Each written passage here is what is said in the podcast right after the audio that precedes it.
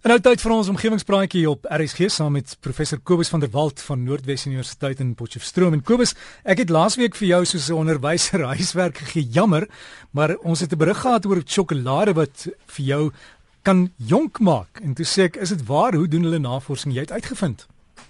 Derek, ja, goeiemôre, goeiemôre ook aan al ons omgewingsvriende.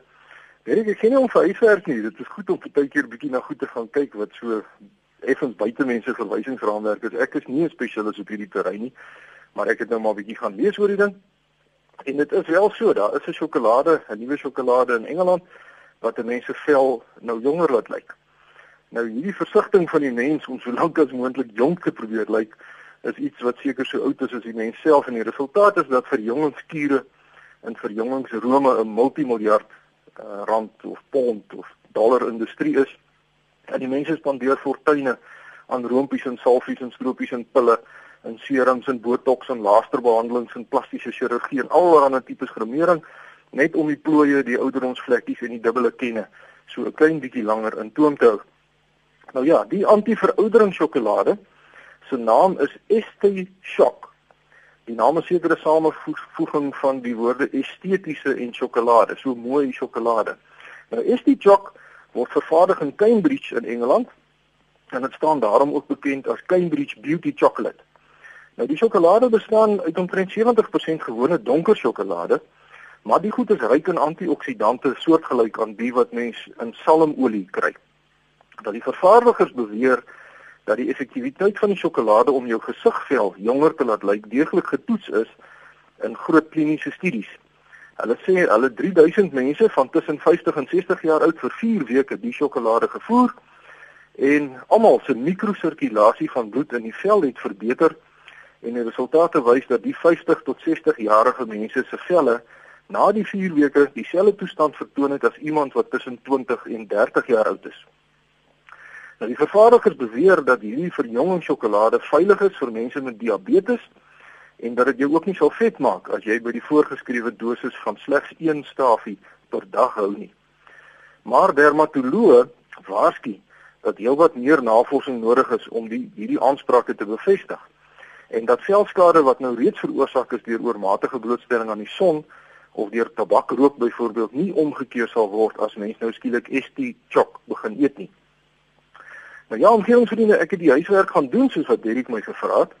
En ek dink dit is eerstens belangrik om te kyk na hoe die verouderingsproses van die vel werk. En een van die teorieë, daar's 'n paar teorieë, maar een van hulle is dat na mate mens nou ouer word, jou liggaam kumulatiewe skade opdoen as gevolg van sogenaamde vrye radikale. Nou vrye radikale is onstabiele suurstofatome of dan suurstofione wat in die mitokondria van jou selle ontstaan. En hierdie goed kan dan skade doen aan sekere makromolekuule in jou liggaam soos lipiede, proteïene en ook die mitokondriale DNA. Nou dis hierdie tipe skade wat aanleiding gegee het tot die onlangse wettiging in Brittanje dat 'n baba nou 3 ouers mag hê. Maar dis natuurlik nou 'n ander storie. In elk geval hierdie skade kan op sy beurt die akkumulasie van vry radikale in selle verhoog. En nou is die teorie dat antioksidante soos Vitamiin A, Vitamiin C, Vitamiin E en beta-karoteen die verouderingsproses sal vertraag deurdat dit dan die vrye radikale in die selle verhoed om skade te doen. En dis onder andere waarom mense sê jy moet baie vrugte en groente eet om gesond te bly, want daardie tipes voedsel bevat nou onder andere baie antioksidante. Nou die vervaardigers van ST-Choc beroep hulle op hierdie selfde verouderingsteorie en hulle sê dat die spesifieke antioksidante in hulle sjokolade die vloei van bloed na die vel verhoog en ook die afbreek van kollageen vertraag. En dis juis die proteïen kollageen wat aan jong mense se velle die jeugdige elastisiteit gee. Maar nou is daar vlieg in die salf, want 'n redelike klompie onlangse studies wys dat die vrye radikaal antioksidant teorie dalk nie so algemeen geldig is soos wat die voorstanders daarvan beweer nie. En ek gaan net een so 'n studie noem. En dit is waar navorsers in 2010 'n artikel gepubliseer het waarin die eetgewoontes van 487 000 Europeërs gemoniteer is om te kyk of daar enige waarheid is in die bewering dat die inname van antioksidante die voorkoms van kanker verlaag. En die resultate was negatief. Met ander woorde, hulle kon geen bewys daarvoor vind dat as jy voedsel met baie antioksidante eet, jou kans om kanker op te doen daardeur verlaag word nie. Nou of die hele teorie daarom as ongeldig beskou moet word, is natuurlik 'n oop vraag en ek is nie 'n kundige op hierdie terrein nie. So 'n mens moet seker maar eerder die mediese wetenskap of dan die voedingkundiges hierdie vraag vra, Derek. Uh terug by die sjokolade, my probleem met so 'n vel sjokolade, Derek, is dat ek nie by net een stafie per dag sal kan bly nie. Ek het 'n vreeslike soettand en ek eens ek eet soms sommer 'n groot sjokolade met een sitting op. So ek sal maar eerder moet wegbly van hierdie vel sjokolade want my vel sal wel mooier lyk, maar dit gaan wees omdat hy stywer gaan span oor die vetlaagie wat ek gaan ontwikkel van al die sjokolade. Jakobus, daai stafie is seker 'n kilogram groot, né? Nee? dit weet ek nou nie, maar ek weet nie of ek net by ene dag sal kan bly nie. Maar dit het so gepraat van velverjongingskiere.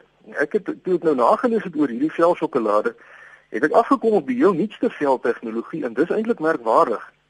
Want navorsers eh, van die Imperial College in Londen het 'n tegniek ontwikkel waar hulle nou 'n oorpleisie aan die binnekant van jou wang vryf en dan versamel hulle 'n klompie selletjies en uit hierdie selletjies isoleer hulle dan jou spesifieke DNA. Nou net jy het daai DNA tussen al die 7 miljard mense op aarde. Nou hierdie isolering kan deesdae baie vinnig en maklik gedoen word want hulle het 'n apparaatjie ontwikkel wat mens sommer so in jou hand vashou. En jou DNA word dan in 'n mikroskyfie geplaas wat jou vel se unieke kollageenbehoefte bepaal. En dan word 'n velroom gemaak wat presies aan jou eie vel se behoeftes voldoen. Daar's geen twee mense in die wêreld wie se velle presies identies is nie. En so individuele benadering is belangrik want as jy te min kollageen in die velroom het, dan mors jy jou geld want die goed gaan niks beteken nie terwyl te veel kollageen weer skadelik kan wees. So dit bring nou heeltemal 'n nuwe dimensie. Die advertensies wat mense sien in tydskrifte of op die TV wat nou wys hoe een spesifieke velroom so goed is vir alle vroue is nou skynbaar nie meer geldig nie. Jou eie uniek geformuleerde velroom met baie spesifieke hoeveelhede kollageen en peptides en aminosure en vitamiene word dan net vir jou vel gemaak en dit werk 100% effektief op jou vel. En op hierdie wyse kan elke vrou haar eie unieke velroom kry wat presies aan haar vel se behoeftes voldoen. Nou in kliniese toetse het die navorsers gevind dat fyn lyntjies en plooie op die vel met 30% verminder na net 3 maande se gebruik van hierdie persoonlike velroom. Maar nou weer die vlieg in die saak. Hierdie goed is nie goedkoop nie want 'n een konsultasie en 3 maande se velroom gaan jou omtrent R18000 kos. Nou ja, dit is baie goed sekerlik as iemand homself of haarself behoorlik wil versorg, maar daar is daarom seker perke ook. 'n Mens moet maar aanvaar dat jy ouer word en 'n paar plooie en 'n paar vetrolle bykry. En weet jy Derek, ek gaan nogal gereeld na die gimnasium toe. En dan kyk ek so na al die jong mense wat so lekker oefen met hulle slap, soepel, pynvrye lywe. En dan verlang ek hom baie terug na my jong dae toe ek ook so lekker voluit kon oefen. En professor Wynand Pitter wat vir dekades lank die departementshoof van liggaamlike opvoedkunde hier op die pik was, het 'n rukkie gelede vir my geskryf en hy het gewaarsku dat mens moet oppas om jouself nie te ooroefen na mate jy ouer word nie. Jy weet jou kop sê vir jou dat jy 'n 10 km padwedloop teen 4 minute per kilometer kan hardloop, want jy het dit 'n paar jaar gelede nog heel gemaklik kon doen maar jou lyf kan dit eenvoudig naderhand net nie meer doen nie. En professor Pitter sê dat mense vermoë tot fisieke aktiwiteit neem af na mate jy ouer word en 'n mens moet jouself daarbey aanpas anders kan jy vir jouself baie skade doen. Alhoewel gereelde matige oefening en 'n gesonde lewenstyl natuurlik onontbeerlik is vir 'n goeie ou dag. En gepraat van 'n goeie ou dag, Dirk, ek wil graag ek wil graag vanoggend op 'n baie persoonlike noot afsluit. My pa, Sakkie van der Walt wat op Parys woon, vier is ons gespaar bly hierdie week sy 80ste verjaarsdag. En ek wil graag vanoggend uh hierdie praatjie gebruik, Derek, my voorreg om hom van harte geluk te wens. Ek, my broer Wessel wat in Sudan werk, my suster Ina wat naby die Hartbeespoort bly en my ander broer Willie wat in Egipte werk, saam met al die skoonfamilie en al die vriende, is saam met pa baie dankbaar vir die Here se groot genade en ons wens pa sy rykste seën toe vir die toekoms met nog baie gesonde, gelukkige en vol jare saam met ma Nonnatjie. Omgewingsvriende, daarmee sluit ek af vir oggend. U kan gerus vir my skryf. My rekenaaradres is kobus.vanderwalt@nwu.ac.za of u kan vir my 'n brief skryf by die fakulteit Natuurwetenskappe, Noordwes Universiteit, Potchefstroom 2520. Vriendelike groete tot 'n volgende keer. Maar ek Kobus, ons laat kyk vir daai sjokolade. Ek dink ons moet hier in Suid-Afrika begin, begin verkoop. Ons baie geld maak. Maar uh, jy weet sakkies sal nou rond 'n koffie moet koop daar in die in die plek waar hulle woon, hè? ja nee, ons ons gaan môre 'n bietjie saam met my pa eet, maar ek hoop al die mense wat hom ken gaan gaan in die week by hom uitkom. Om 80 te word, Derek, weet jy, is deesdae nie meer so 'n vreeslike mylpaal nie. Ehm um, die mediese wetenskap maak dat baie mense 80 raak, maar tog dit is genade jare en ouderdom is 'n suurlike kroon as 'n mens dit met grasie aanvaar en en en saam daarmee leef. En daarmee sê ek nou nie dat ons nie die sjokolade moet soek om jonger te lyk nie, nee. Ja, nee, ons moet daar daar uitkyk vir daai sjokolade, maar altyd lekker om met Kobus te gesels. Kobus van der Walt, e-posadres is kobus.vanderwalt by nwu.ac.za.